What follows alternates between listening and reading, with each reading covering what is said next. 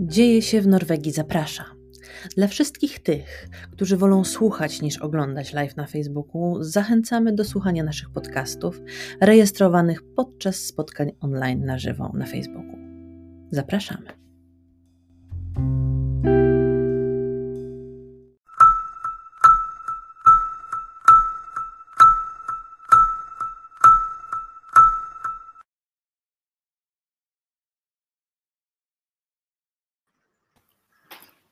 Dzień dobry.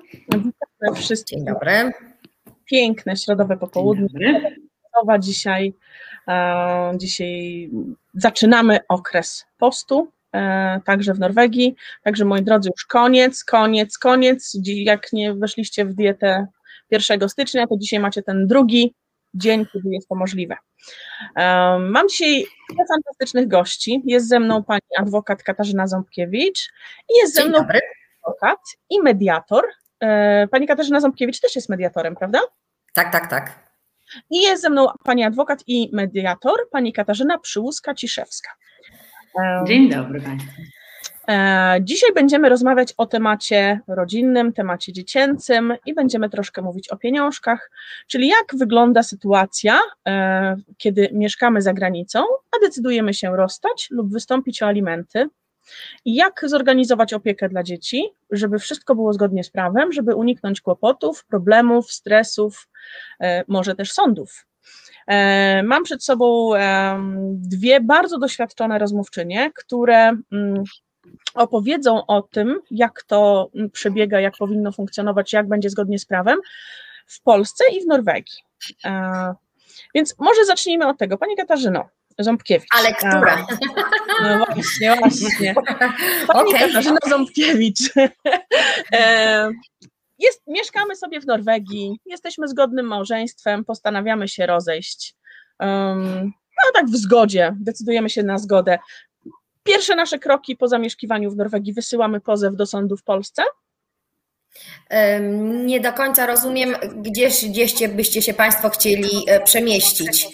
No właśnie, czy tutaj, czy tutaj w tym momencie, kiedy decydujemy się, że no dobra, rozstajemy się w zgodzie i w pokoju, czy nasze pierwsze myśli powinny funkcjonować, że idziemy do sądu w Polsce, czy myśleć o czymś innym? Czy jest jakaś inna opcja? Jak ja y, poprzednio mówiłam, jak spotykaliśmy się 6 y, stycznia na Trzech Króli, to y, zachęcałam i mówiłam, że pierwszymi krokami to mm, powinien być mediator i próba uzgodnienia, zawarcia porozumienia we wszystkich istotnych sferach, z, łączących się z funkcjonowaniem, czy też z zaprzestaniem funkcjonowania małżeństwa. Jeżeli pani, e, Ewo, pani się pyta o kwestię właściwości, to mogę powiedzieć z porządku polskiego, że moglibyście złożyć pozew o rozwód, po uzgodnieniach mediacyjnych oczywiście, a w Polsce, o ile byście tu, którekolwiek z Was miało jeszcze miejsce stałego y, zamieszkania. Natomiast jeżeli chodzi o kwestię mm, prawa norweskiego, no to pani się lepiej orientuje. Ja tylko powiem tyle. Na pewno najpierw kwestie uzgodnienia sytuacji związanej z dziećmi, bo to jest dzisiaj nasz life motive. I to w Polsce też najpierw dzieci, a potem dopiero reszta? Z tego, co się zdążyłam zorientować, to w Norwegii jest kompletnie inaczej aniżeli w Polsce, ponieważ w Norwegii, proszę mnie korygować oczywiście, Mhm. w Norwegii jest tak, że nie można em, procedować w rozwodzie, jeżeli się uprzednio nie zawarło ugody w zakresie dzieci.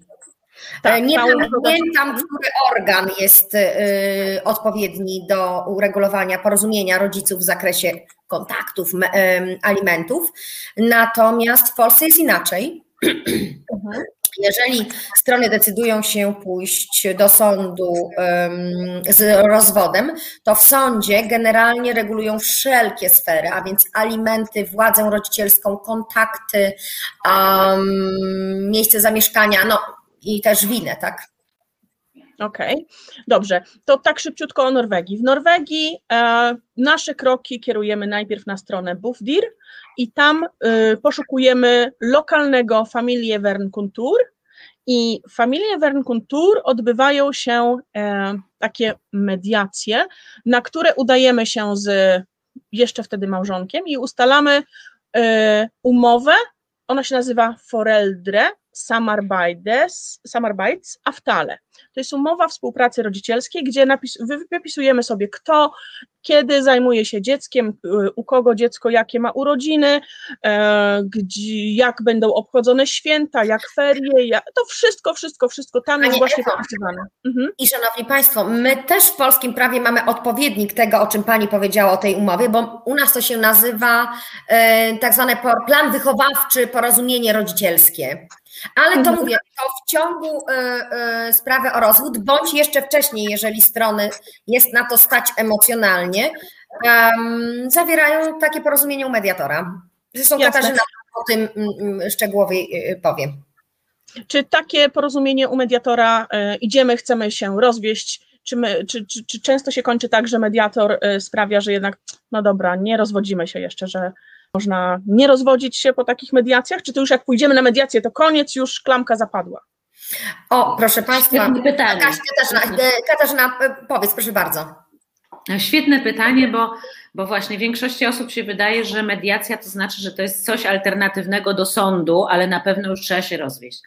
Absolutnie. Mediacja w tej sytuacji, w której jeszcze strony nie są pewne, chcą po prostu udrożnić komunikację, często uzgodnić pewne rzeczy, którymi sobie same nie dają rady, mogą trafić do mediatora i e, mediator im po prostu pomoże nawiązać tą komunikację ponownie.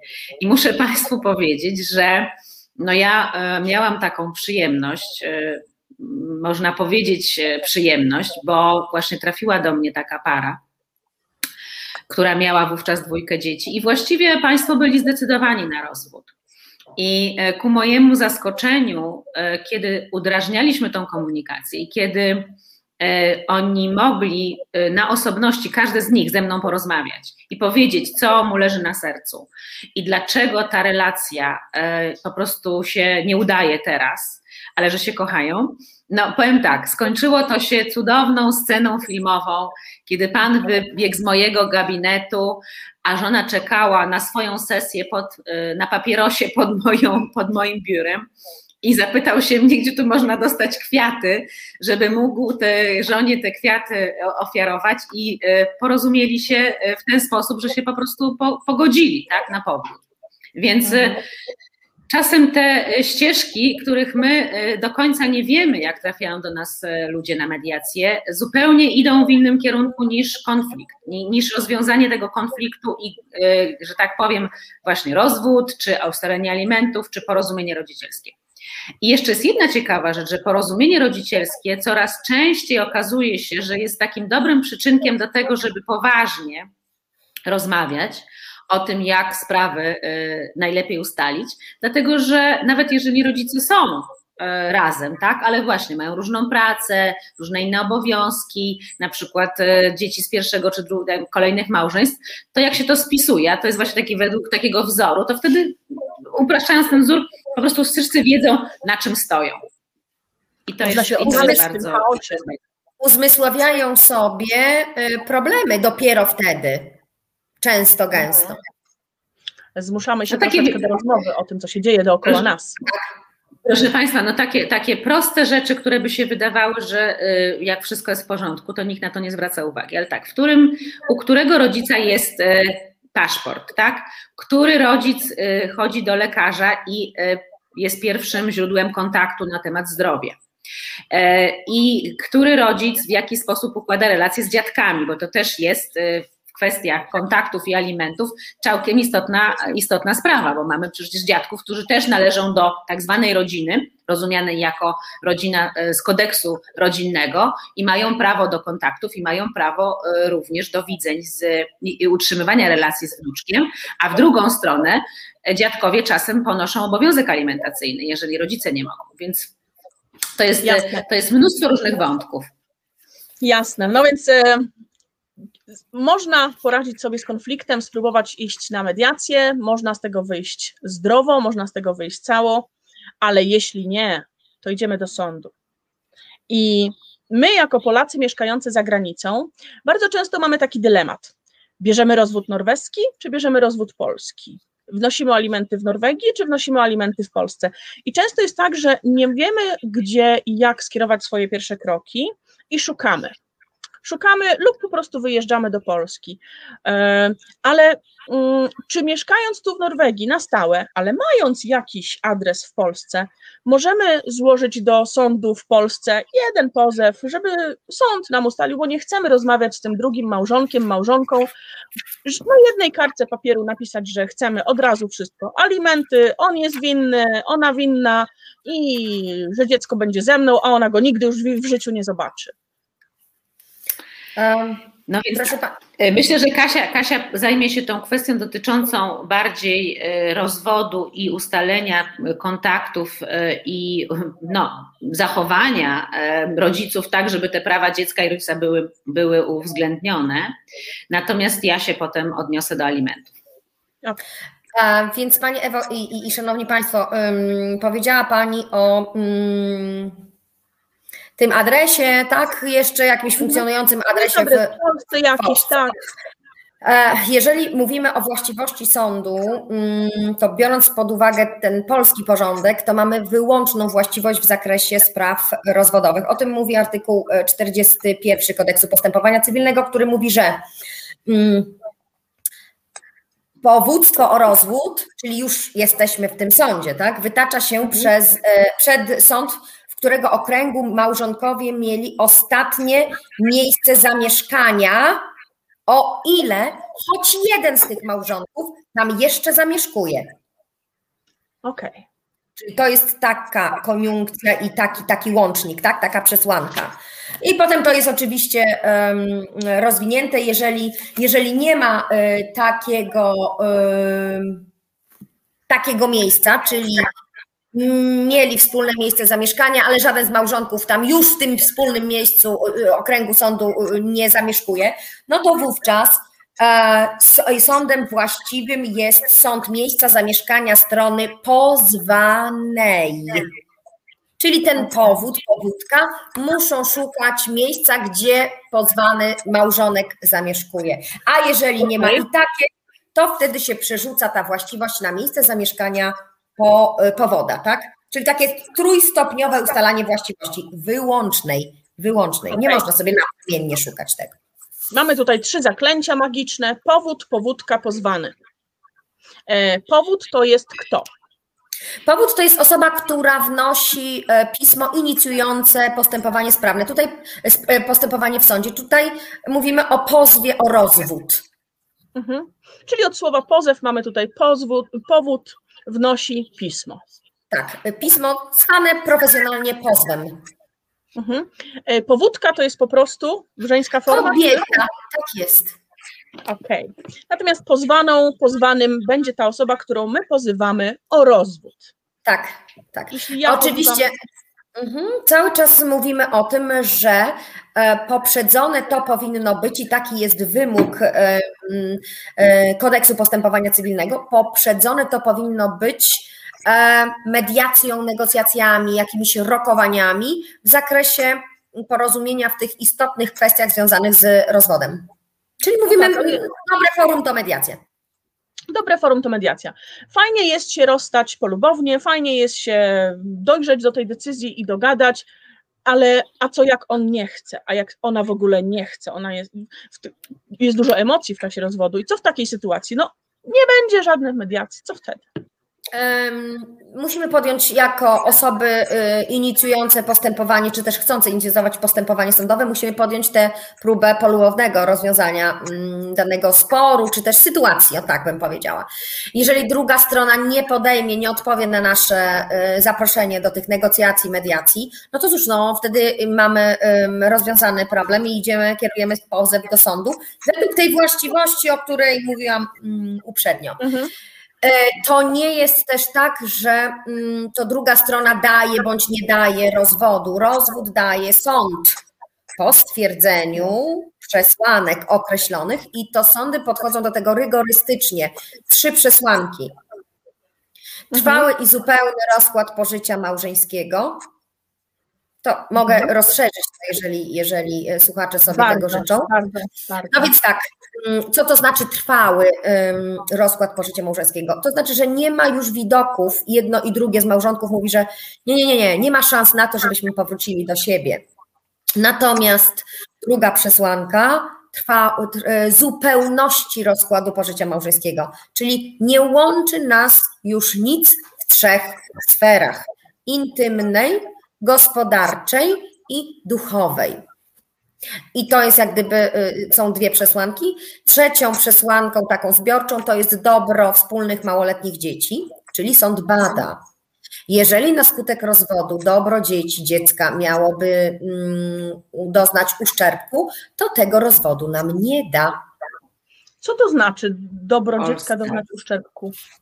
Um, to znaczy sytuację braku porozumienia między rodzicami, totalnego konfliktu, który to konflikt przekłada się na relacje z dzieckiem i to dziecko po prostu jego dobro jest zagrożone, jego egzystencja, spokój, bezpieczeństwo, możliwość kontaktu, porozumiewania się, czy w sytuacjach nawet takich, kiedy rodzice w ogóle nie mówią dzieciom, że chcą się rozwodzić i dziecko idzie na przykład przed oblicze takiego psychologa, pedagoga, czyli to się teraz nazywa um, opiniodawczy zespół sądowych specjalistów.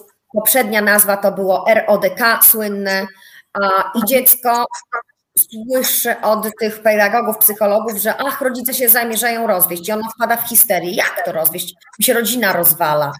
I tu jest zagrożenie dobro dziecka. Jeżeli specjaliści orzekną, że na skutek rozwodu to dobro dziecka jest zagrożone, to taka, takie będą wnioski w opinii i sąd wówczas rozwodu nie da. No i jeżeli żądanie jednego z małżonków chcącego rozwodu na, e, narusza um, zasady współżycia społecznego i dobro tego drugiego małżonka, który jest niewinny, no to wówczas na skutek opozycji pozwanego też tego rozwodu może nie dać. Tak. Czyli to możemy zmusić drugą osobę i nie będzie tego rozwodu? Oczywiście. Hmm. I co wtedy? I tak żyjemy? Żyjemy w pewnej fikcji. Może być um, ta fikcja um, przeobleczona w ramy prawne w postaci separacji, gdzie do mhm. orzeczenia separacji a wystarczy przesłanka zupełności rozkładu pożycia małżeńskiego, czyli nie ma jeszcze te, tych widoków, czy są te widoki, przepraszam, na, na pojednanie się małżonków. I tak to może trwać. Okej, okay, czyli to nie jest takie hop aczkolwiek czeka nas sprawa sądowa, tak, czekają nas koszty. Z jakimi kosztami taki pozew się wiąże?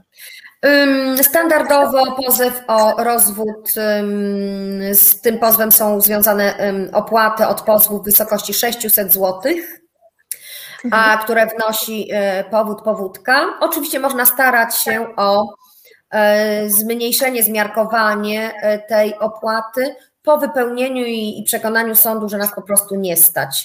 Co się rzadko zdarza, że sądy tę opłatę bądź w ogóle zwalniają, bądź ją miarkują. Czyli obniżają nieco, tak? Mhm. E, no tak, i dobrze mieć pewnie jakiegoś adwokata. A ile czasu trwa taka sprawa sądowa, rozwodowa? Powiedzmy, mamy dzieci, e, do podziału jest jakieś mieszkanie. Ile to może potrwać? Mm, nie mieszajmy spraw o rozwód, które są sprawami osobowymi niejako, ze sprawami majątkowymi. Sprawy majątkowe, jak gdyby zazwyczaj i um, w związku z takimi zasadami podstawowymi y, nie są rozstrzygane sprawy majątkowe, chyba że strony, tak jak pani tutaj nam zaznaczyła, mogą w jakiejś kulturze i, i są u, poukładane w tym rozwodzie, to również jeżeli składniki majątkowe są jasne, czyli wiadomo precyzyjnie, co wchodzi w skład majątku, jaka jest wartość poszczególnych składników, jak będą, jak będą wyglądały spłaty, dopłaty, to wówczas sąd rozwodowy, sąd zajmujący się sprawami rodzinnymi, może wyjątkowo zająć się tym podziałem majątku, o ile to nie przedłuży postępowania w zasadniczej sprawie, czyli w sprawie dotyczącej rodziny. Mhm. Czy każda e, rozwodząca się para e, posiadająca dzieci musi przejść e, ten etap w tych badań psychologiczno-pedagogicznych? Absolutnie nie. Zazwyczaj mamy do czynienia z tego typu etapem sprawy, który mm, w polskim sądownictwie oczekiwanie na niego jest bardzo długie i to w znaczący sposób wpływa na długość postępowania. Um, nie, to nie jest obligatoryjne. Jeżeli sąd widzi, że ma naprzeciwko siebie konstruktywnych rodziców, którzy pomimo konfliktu czy też nieporozumień, które doprowadziły małżonków do, na salę sądową, jednak wyjmują poza nawias tego swojego sporu, konfliktu dobro dzieci, i w tym zakresie zawierają to porozumienie, plan rodzicielski, o którym Katarzyna mówiła, mhm. E, pani, pani Ewo, w odniesieniu do norweskiego prawa, to wówczas sąd nie kieruje um, danej rodziny do um, OZSS-u, w skrócie mówię. To zależy od woli stron i od sytuacji na sali. Okej, okay. czyli im bardziej rodzice między sobą walczą, kłócą się, są bardziej skłóceni, nie są skłonni do brania w ogóle pod uwagę dziecka, a wręcz mieszają dziecko w sprawy, o, ja ci zabiorę dziecko, o, nie, dziecko będzie ze mną, to tym większa pewność, że nasz cały proces będzie przedłużony i będziemy musieli iść na te badania, tak? Zdecydowanie tak. I e, jeszcze raz podkreślam, przesłanka braku możliwości orzeczenia rozwodu, dobro wspólnych małoletnich dzieci. I właśnie jeżeli sąd dopuszcza ten dowód z OZSS i we wnioskach na ostatnich stronach dużych, grubych opinii jest napisane, że rozwód sprzeciwia się dobru wspólnych małoletnich dzieci, to tego rozwodu nie będzie. Okej. Okay. Musimy sobie, musimy sobie zdać sprawę z tego, że um, polskie prawo chroni tę podstawową jednostkę życia społecznego, jakim jest, jaką jest rodzina. Rodzina daje bezpieczeństwo nie tylko małżonkom, ale przede wszystkim dzieciom. A powiem coś, co może Państwa um, i słuchaczy wbić w zdumienie. Dzieci nie są naszą własnością.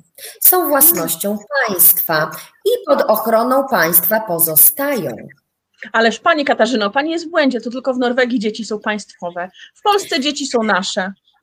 E, tak, wspaniałe ujęcie i obyśmy sobie dobrze zdawali z tego sprawę, że dzieci są nasze, a nie państwa. Mówię tu w aspekcie płatności alimentów.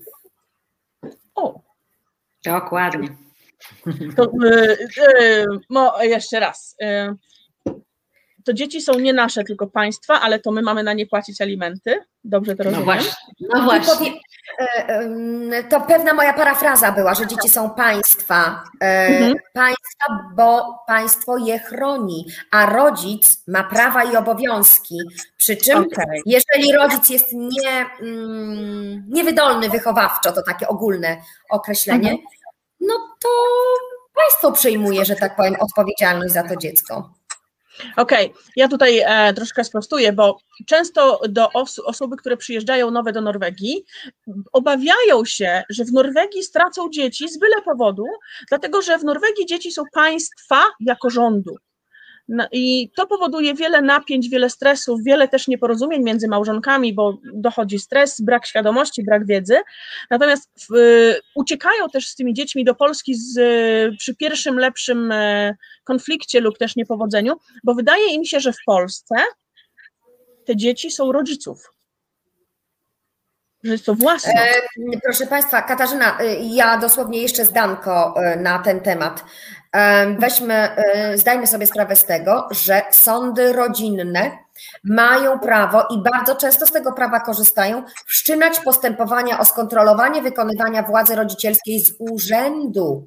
I wówczas do takiego domu, w którym prawdopodobnie dzieje się coś nie tak e, z dziećmi, jest ich dobro zagrożone, idzie kurator społeczny, robi wywiad, czyli Sąd wysyła takie swoje oczy, takiego swojego przedstawiciela i, i potem na podstawie tego decyduje, czym być może ograniczyć władzę rodzicielską jednemu z rodziców, obojgu, a w jakiś jeszcze inny sposób ingerować w wykonywanie władzy rodzicielskiej, chronić to dobro dziecka.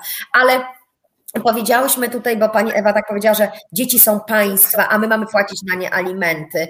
No właśnie, jednym z obowiązków, ale też i praw rodziców jest łożenie na utrzymanie własnych dzieci. Tak. Dlaczego, dlaczego się zaśmiałyśmy, obie z Kasią, może nie zaśmiałyśmy, a uśmiechnęłyśmy się, bo mm, polskie realia mm, są bardzo przykre, jeżeli chodzi o ocenę sposobu wywiązywania się z alimentacji. Niestety jest bardzo nie, Niedobrze Niespójne. oceniana, niespójna, tak, nies- niedobrze oceniana przez e, naszych e, zagranicznych kolegów i, i zdzi- ze zdziwieniem odbierana e, wola małżonków, tych, którzy mają potem obowiązek alimentacyjny, do uciekania od płacenia alimentów. To jest bardzo przykre, ponieważ to ma wpływ na tą pomniejszoną komórkę. Przede wszystkim na tym cierpią dzieci, ale oczywiście matki czy ojcowie, którzy pozostają z tymi dziećmi, z którymi te dzieci mieszkają. No, E. panuje takie przekonanie, że płacimy byłej lub byłemu, a nie łożymy na utrzymanie dziecka.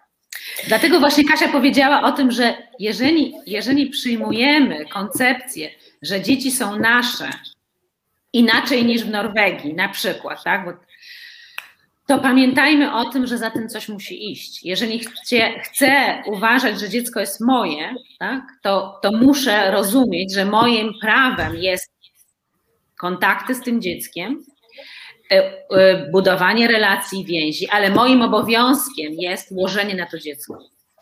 I też E. wychowywanie go, bo czasem, proszę Państwa, jest tak, że nie wystarczy, to znaczy nie jest spełnieniem obowiązków rodzicielskich tylko i wyłącznie zrobienie przelewu na konto.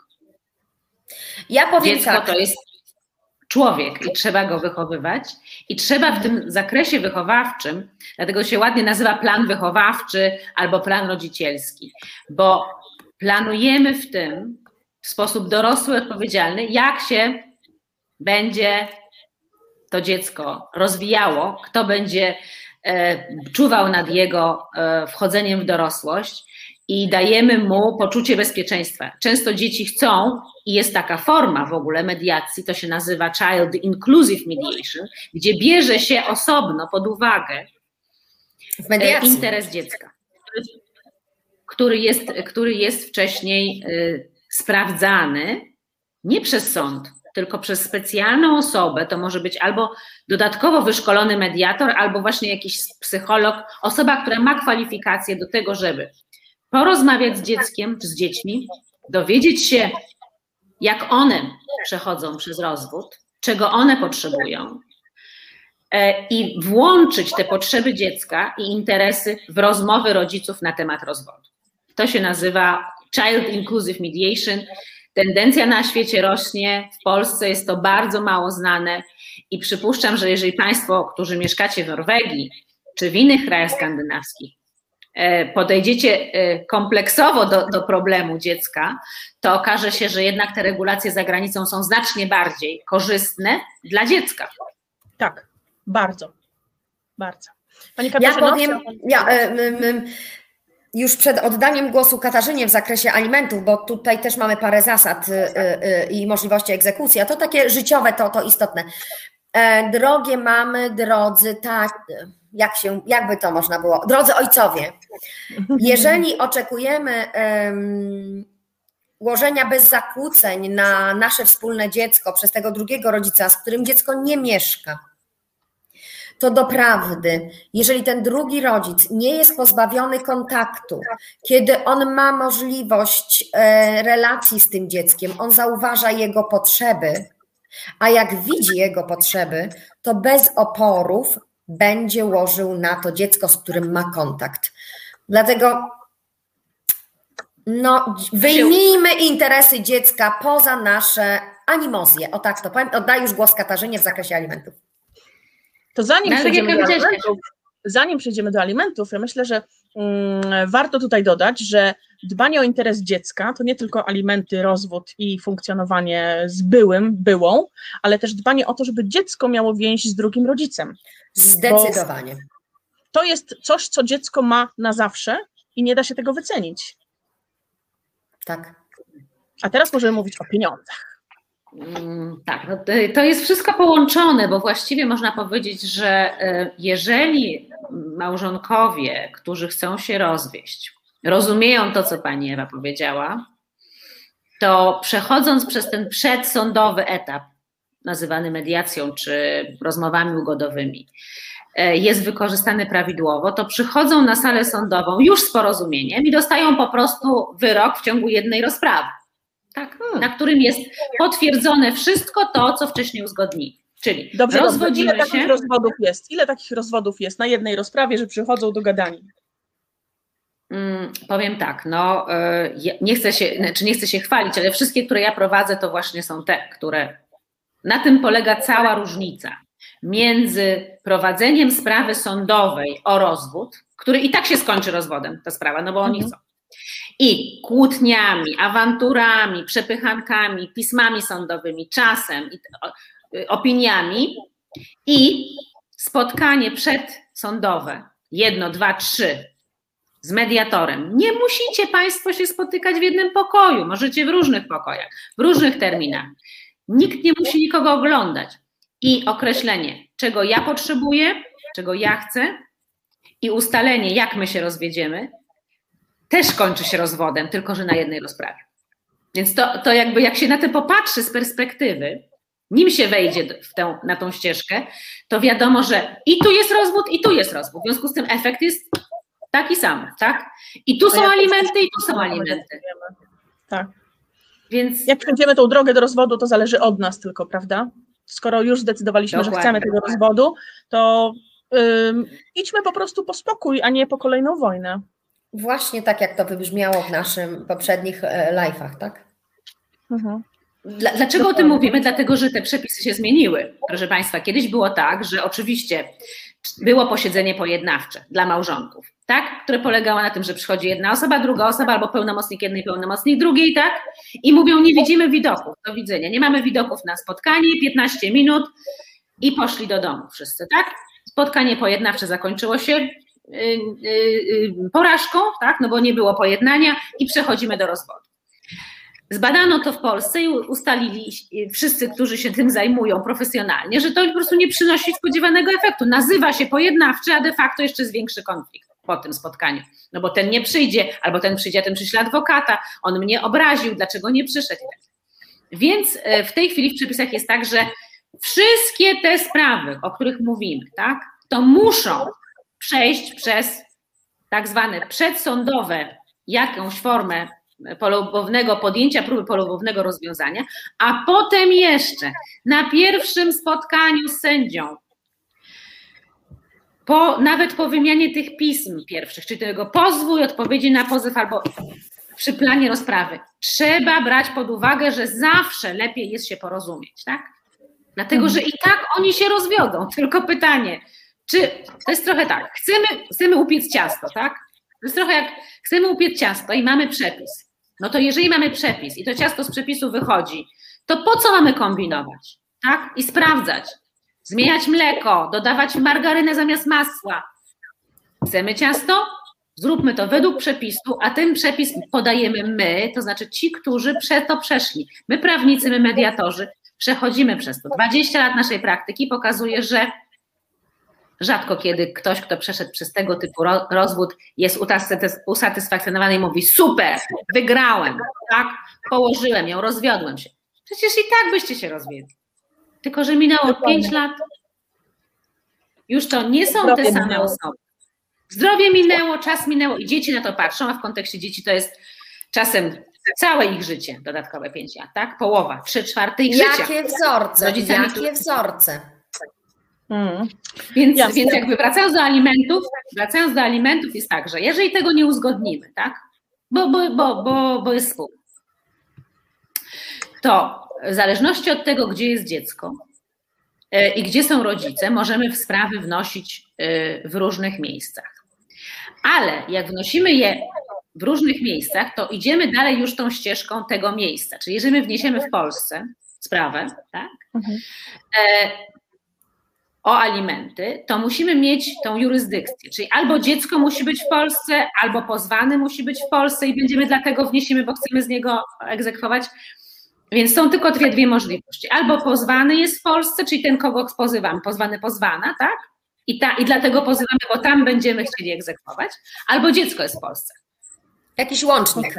Coś musi być. Okej, okay, bo jeżeli chcemy pozwać o alimenty w Norwegii, właściwie pozwać, w Norwegii nie pozywamy o alimenty, w Norwegii udajemy się do NAW-u e, i wnioskujemy o barne bidrak. E, NAW wylicza na podstawie wynagrodzenia taty lub mamy, która pracuje w Norwegii, jaką kwotę e, będzie to NAW potrącał jeżeli rodzic nie będzie e, realizował obowiązku, i taka kwota będzie wpływać na konto osoby, która e, opiekuje się dzieckiem, która ma większość opieki.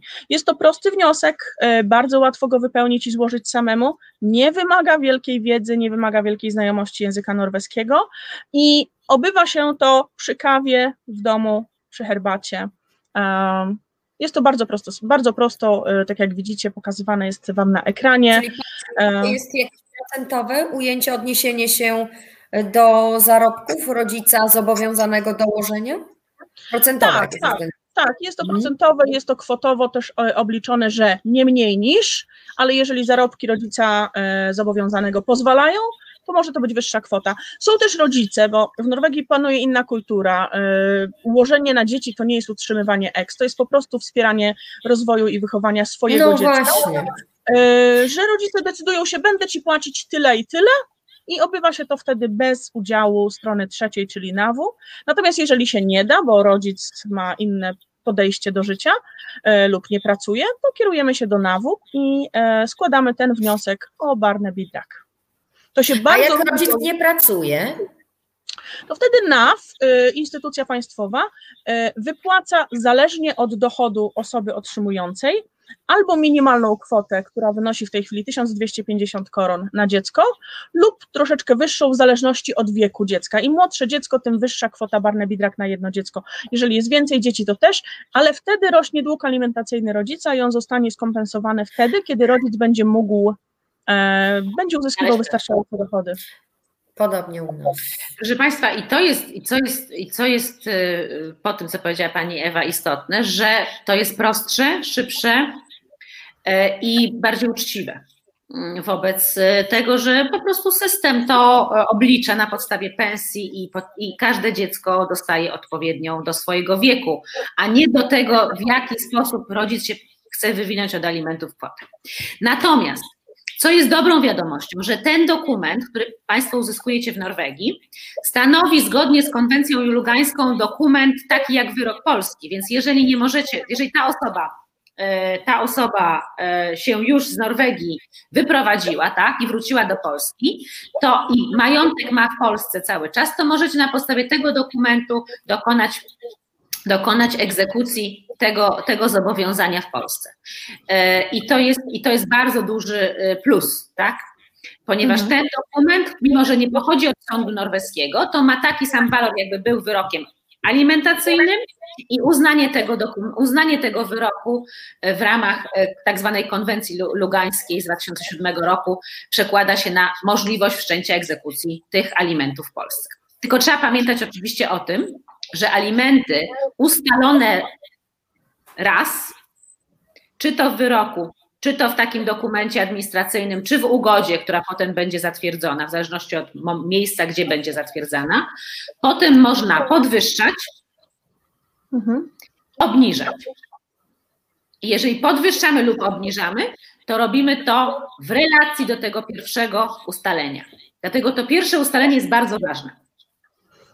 Dobrze. Naprawdę się trzeba do tego przyłożyć i skorzystać, akurat tutaj w przypadku Państwa sytuacji w Norwegii, skorzystać z tej lepszej procedury, którą według mnie e, daje Norwegia. Dobrze. Natomiast mając już wyrok z Polski o alimentach, można go przetłumaczyć i wysłać do NAW-u i wtedy, jeżeli tata lub mama pracuje w NAWie, a się uchyla od płacenia tych alimentów, to NAW będzie automatycznie potrącał zasądzoną w Polsce kwotę ale trzeba o to złożyć wniosek, trzeba już tutaj tłumaczenie przysięgłe i tak dalej, i tak dalej. Ale Państwo pewnie y, wiecie, jak nie wiecie, to, to, to przybliżę Państwu, jak wygląda procedura alimentacyjna w Polsce. Jest to zwykła sprawa sądowa, prowadzona przed sądem rejonowym, sądem rodzinnym na podstawie przepisów kodeksu rodzinnego opiekuńczego i tej KPC, czyli kodeksu postępowania cywilnego, gdzie trzeba złożyć pozew, przy którym trzeba wykazać dowodami proszę Państwa, nie napisać, że pieluchy kosztowały 20 zł, a smoczek 3 i trzy smoczki zużyłam w ciągu pół roku, ponieważ, nie wiem, wpadły na ziemię, zniszczyły się. Trzeba mieć na to wszystko dowody. Dowody ze sklepu. To jest y, rachunki, faktury, tego typu rzeczy. Po, ponadto, co my musimy udowodnić? Nie tylko rzeczy, które dziecko jej zużywa, Ale tak samo jest z energią elektryczną, czy z gazem, czy z ogrzewaniem mieszkania. Znowu trzeba mieć rachunki, policzyć proporcjonalnie, ile miejsca dziecko zajmuje i przedstawić to sądowi. Koszty mieszkania, opłaty do administracji, remonty mieszkania, znowu to policzyć. Proszę Państwa, jest to, jest, są kalkulatory odsetkowe, czy kalkulatory takie do wyliczania alimentów, ale to jest droga, często to jest dla kobiet e, czy mężczyzn, którzy pozostają z dzieckiem, droga przez mękę. Hmm. E, ile, ile, miejsca zajmuje dziecko, a to w jakim wieku? Mierzymy metry sześcienne, czy nie, centymetry? Państwa, bieżące? my się spotykamy z absurdami, absurdami tego, tych, tych regulacji, to naprawdę y, no, może, mogę rozłożyć ręce i powiedzieć, nie wiem, kto to wymyślał, tak? Bo przecież wiadomo, że dziecko używa pieluch, tak? I sędzia rodzinny powinien zdawać sobie sprawę z tego, ile tych pieluch zużywa. Może dwie można zaoszczędzić, no ale nie może zużywać jednej pieluchy przez je. Ale mamy często y, muszą te y, dokumenty gromadzić, te faktury, te rachunki. Tak? No, Jasne. Zupełnie, tak. Ile kosztuje złożenie takiego pozwu alimenty? Bo y, w Norwegii składamy wniosek do NAW. Nie kosztuje nic, ale kosztuje tyle zdrowia. Nie kosztuje nic, bo alimenty są zwolnione z opłaty sądowej. Więc trzeba tylko, ale do tego niestety, ja, moje doświadczenia są takie, że samodzielnie rzadko kto sobie z tym radzi. Musi wziąć prawnika, więc jakby niby nic nie kosztuje, ale musisz mieć prawnika, tak? bo po prostu nie dasz sobie rady w gąszczu tych przepisów. Terminy są krótkie. Jak czegoś nie dopełniłeś i sąd cię wezwie do uzupełnienia braków, to masz 7 dni. Ludzie mają po 7 dni, żeby uzupełnić, ale to jest. Przecież my pracujemy w tym czasie. Państwo pracujecie, Państwo chodzicie y, y, do biura czy do, do zakładów pracy, Państwo macie obowiązki, a tu nagle trzeba w ciągu 7 dni sądowi coś dostarczać. Więc to jest, te procedury są bardzo Kod, kopię opisu pozwu, jakieś akty urodzenia, jak tu ściągnąć w ogóle. Dlatego międzynarodowe to doświadczenia pokazują, że no to wszystko kosztuje, zajmuje czas. Strasznie jest y, to związane z nerwami. Dlatego doświadczenia międzynarodowe pokazują, że no, rozsądnie jest korzystać z tych alternatywnych metod. Niestety w arbitrażu nie można spraw alimentacyjnych załatwiać, prawda? Bo sądy arbitrażowe to są sądy prywatne. Natomiast jest dużo właśnie różnych biur e, mediacyjnych, które pomagają w tym, e, żebyście Państwo mogli przejść przez ten proces w miarę, w miarę. Nie musicie uzgodnić wszystkiego, ale jak już się odrobinę posuwacie, to przynajmniej pewne rzeczy warto jest uzgodnić. No i zbieranie tych rachunków. I teraz co się potem jeszcze dzieje? Jak już zbierzemy te rachunki, jak już mamy to wszystko, jak już wiemy, że nasz kosztowa, kosztuje dziecko 5 tysięcy, powiedzmy, to wcale nie znaczy, że na sam zasądzi 5 tysięcy, bo musi jeszcze wziąć pod uwagę, po pierwsze, nasze możliwości zarobkowe, ile my możemy włożyć na utrzymanie tego dziecka, mimo że zajmujemy się nim i mieszkamy z nim. Możliwości zarobkowej drugiej strony, która oczywiście, dla, skoro ją pozywamy, to najprawdopodobniej dobrowolnie nie płaci. No bo gdyby płaciła, to raczej byśmy jej nie pozywali. Więc będzie wymyślała, kombinowała, może potrzebuje jeszcze na coś innego, może musi wziąć kredyt, może leasing na samochód, może musi kupić teraz nowy komputer. Bo... I my z tym wszystkim musimy się mierzyć.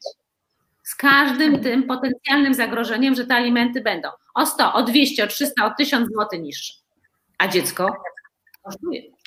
I czas leci. Żaden rodzic nie podejdzie do dziecka i nie powie, wiesz, dzisiaj nie będziemy jeść lub dzisiaj nie będziemy płacić rachunku, bo.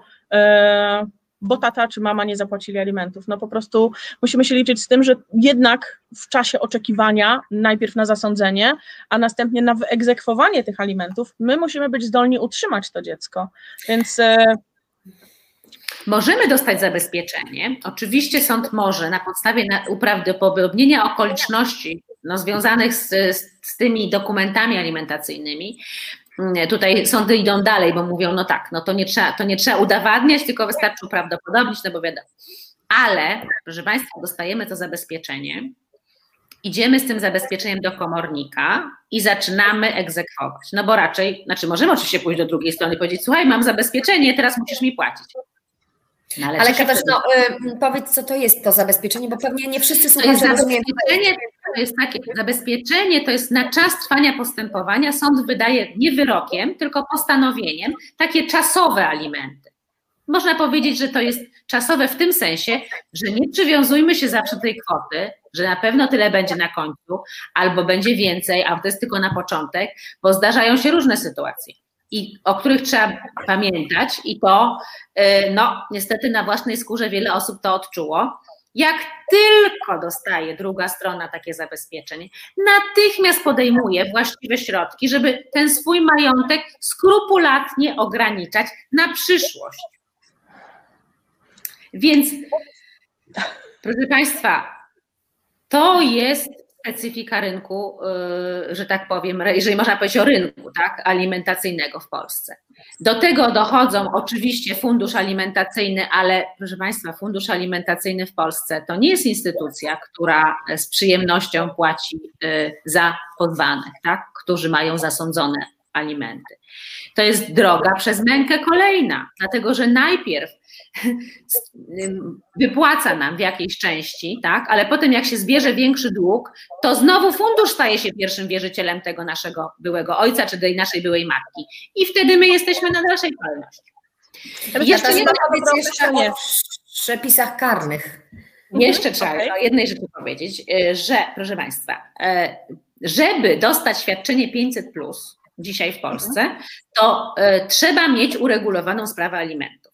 I to też, e, e, to też jest sposób na to, żeby uzyskać, że tak powiem, porozumienie alimentacyjne, ponieważ wyrok zabiera czas i wtedy tracimy to świadczenie. Więc jeżeli się weźmie pod uwagę to, że możemy dostać świadczenie mając szybciej porozumienie, to zdarza się często, że ludzie po prostu decydują się jednak na to, żeby usiąść do stołu i e, rozmawiać i porozumieć się co do tej wysokości alimentów, no bo od, od, odjeżdża im każdego miesiąca 500 plus.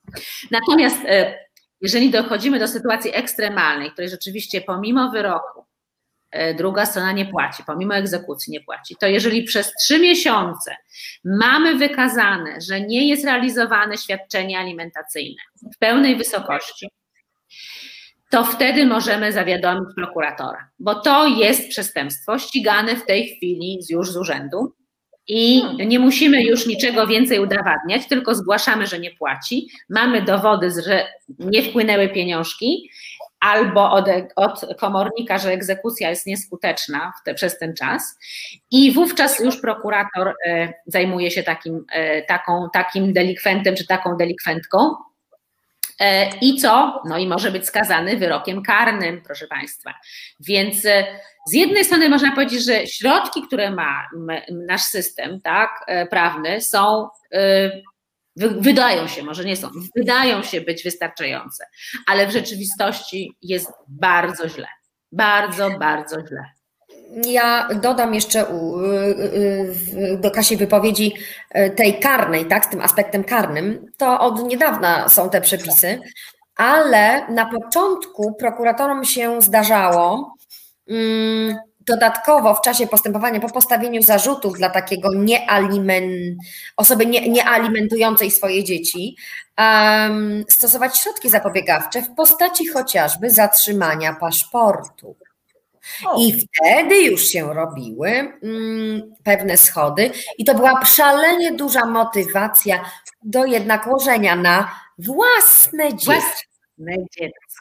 Tak, bo przecież nie mówimy tu o spłacie, spłacie raty za samochód Kowalskiemu z trzy przecznice dalej, tylko mówimy tutaj o istocie, którą powołaliśmy do życia, którą decydowaliśmy się e, z wielkiej miłości lub z przypadku z wielkiej miłości, e, by była naszym skarbem, wszystkim, co mamy, a raptem te pieniądze robią tutaj taki problem. Czy to, czy to jest tak, że trzeba płacić ogromne te alimenty, czy wystarczy trochę, chociaż pokazać? No bo zdarzają się różne sytuacje, czasami się po prostu nie ma.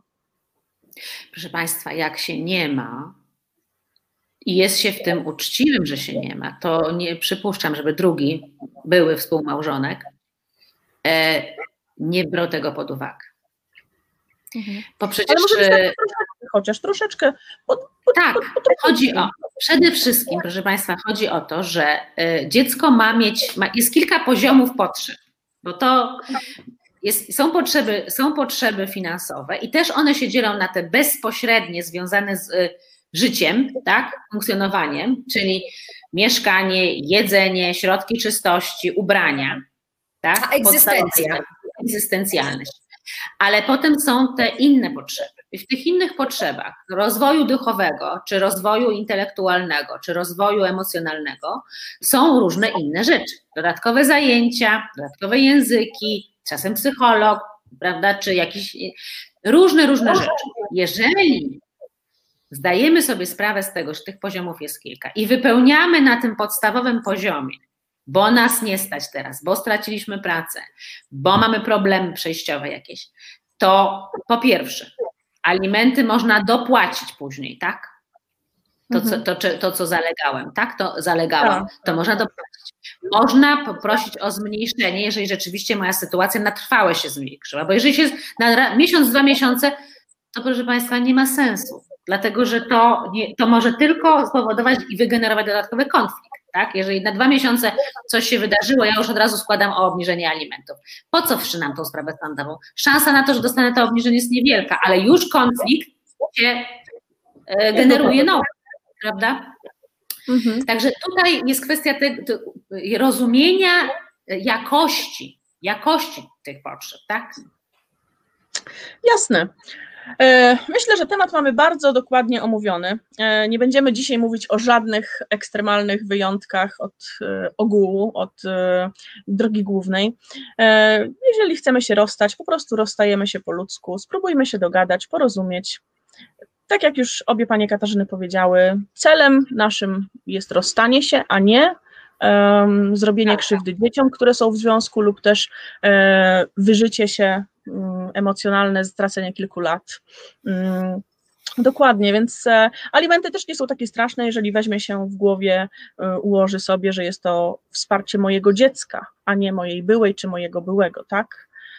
Więc, Co jest jeszcze ważne, proszę Państwa, żebyście pamiętali, e, że to, że rodzic alimentuje dziecko, kiedy dziecko dochodzi do pełnoletności od urodzenia, to też jest nie, niezupełnie oderwane od y, przepisów y, jakby uregulowanie i ono ma swój odpowiednik w tym, że kiedy rodzice potrzebują, mhm. bo już, y, nie wiem, renta czy emerytura im nie wystarcza, coś się stało w ich życiu i mają dorosłe dzieci, które stać na to, żeby im pomogły, to mają rodzice prawo wystąpić o alimentację do dzieci. Więc pamiętajmy, że to jest związek dwóch przepisów.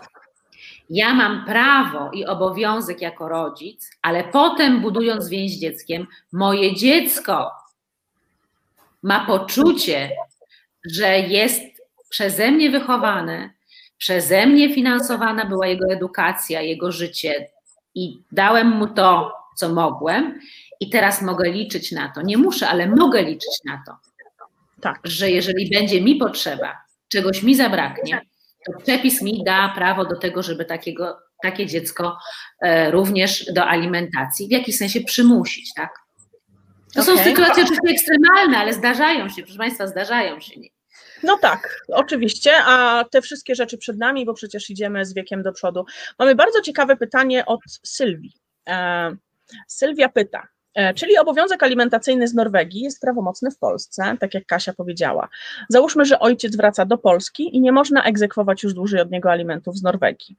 Na przykład e, nie na przykład nie na nieruchomości w Polsce i nie pracuje. Kto przejmuje wtedy obowiązek alimentacyjny za ojca nałożenie na dziecko w Norwegii? Co wtedy? Proszę Państwa, są dwie, znaczy myślę, że tutaj są co najmniej dwie płaszczyzny. Pierwsze, nie ma nieruchomości i nie pracuje. Powinien zostać zbadany wątek dlaczego. Co się stało z tą nieruchomością? Czy została, nie daj Boże, spieniężona po to, żeby uciec przed alimentacją? Jeżeli tak, to można przeprowadzić postępowanie zmierzające do uzgodnienia czy ustalenia przez sąd, że ta transakcja dla alimentacji była nieskuteczna i że te pieniądze, które z, z, transakcji zostały e, prze, zapłacone sprzedającemu zobowiązanemu do alimentacji, będzie musiał zapłacić. To jest pierwsza sprawa.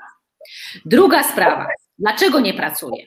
Czy dostaje zasiłek, czy stara się o pracę? Jeżeli nie pracuje z własnego wyboru, to alimenty y, muszą być egzekwowane i wtedy oczywiście, jeżeli te, i uchyla się od alimentacji, to tak jak powiedziałam, prokurator, tutaj w, Polsce. pierwszy tak, prokurator, plus ewentualnie, proszę Państwa, jest fundusz alimentacyjny, czyli zgłaszamy się do funduszu alimentacyjnego, mamy to uznanie na podstawie y, konwencji lugańskiej, mamy to uznanie tego orzeczenia norweskiego, które jest tak samo y, skuteczne, jakby było wyrokiem w Polsce alimentacyjnym i zgłaszamy się do funduszu alimentacyjnego. Ale żeby się zgłosić do funduszu, to musimy mieć wszczętą egzekucję i mhm. bezskuteczność potwierdzoną przez komornika.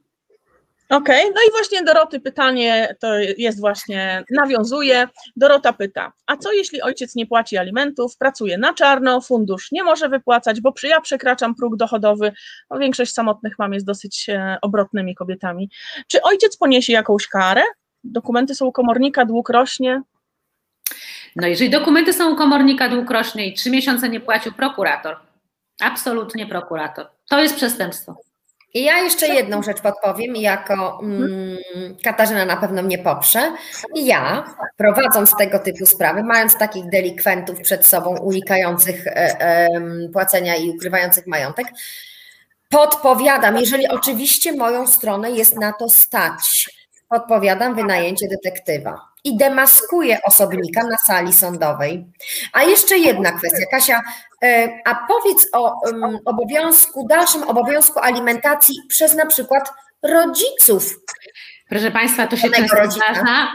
Mm, to się często zdarza w Polsce, że mamy do czynienia z mm, e, małżonkiem byłym, tak, matka, ojciec, którzy ukrywają majątek, spieniężyli majątek, przepisali i tak dalej.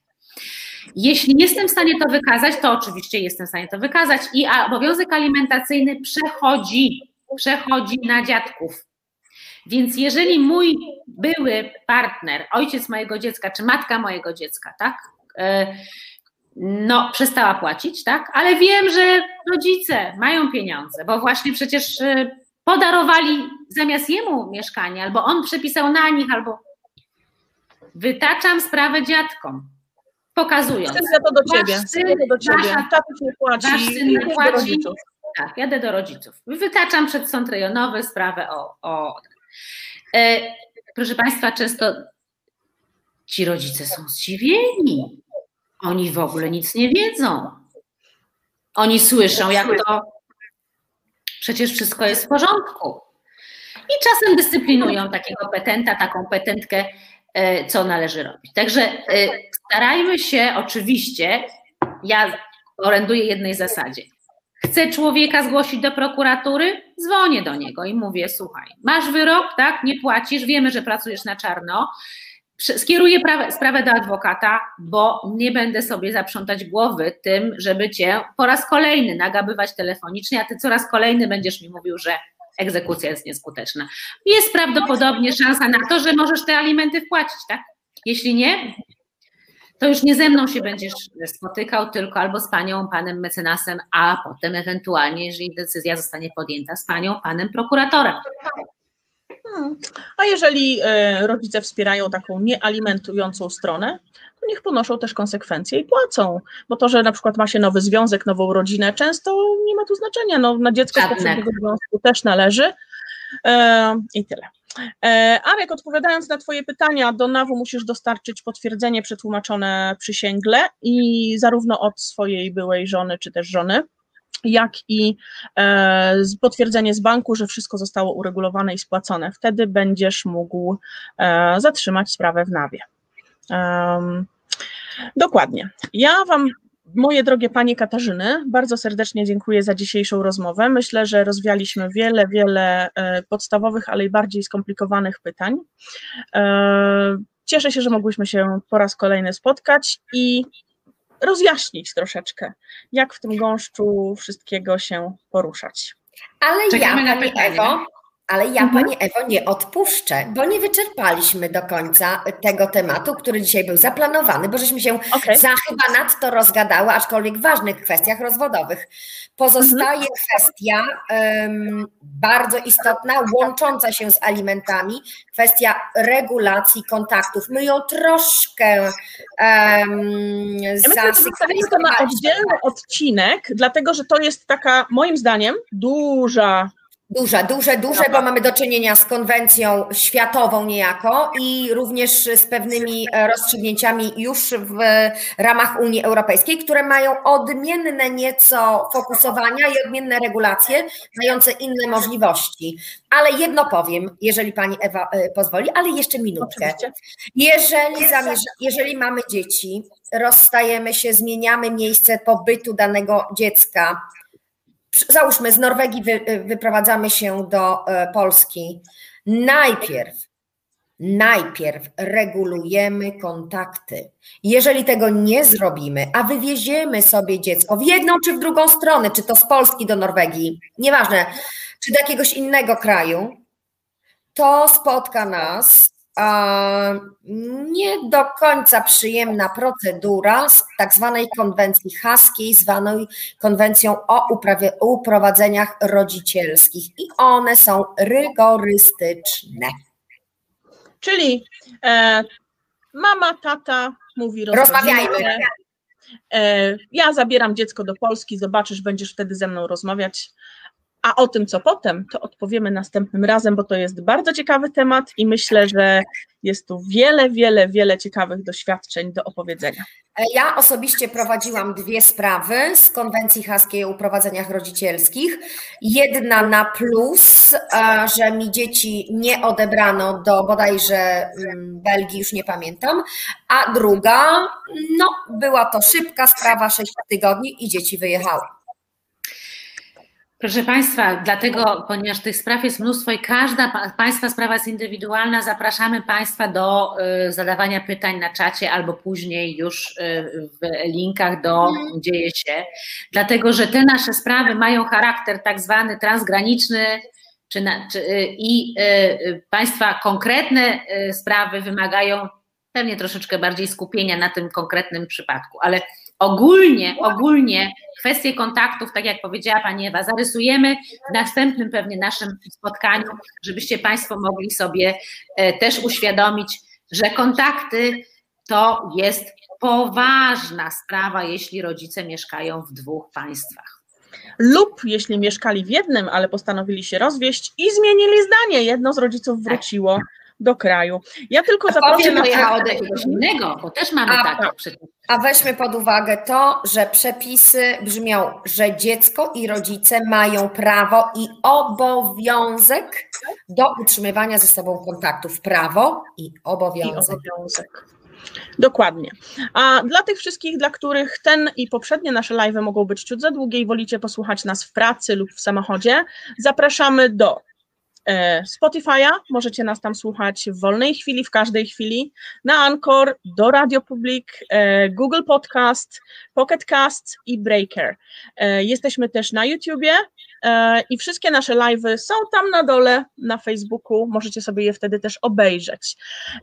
Z Facebooka możecie kastować na telewizor, więc zamiast dobrego filmu możecie posłuchać o dobrych prawnych rozwiązaniach, jak uchronić się przed problemami na przyszłość. A ja na dzisiaj bardzo dziękuję moim gościom i do zobaczenia następnym razem już w Wielkim Poście. Do widzenia. Dziękujemy. Do widzenia. Dziękujemy.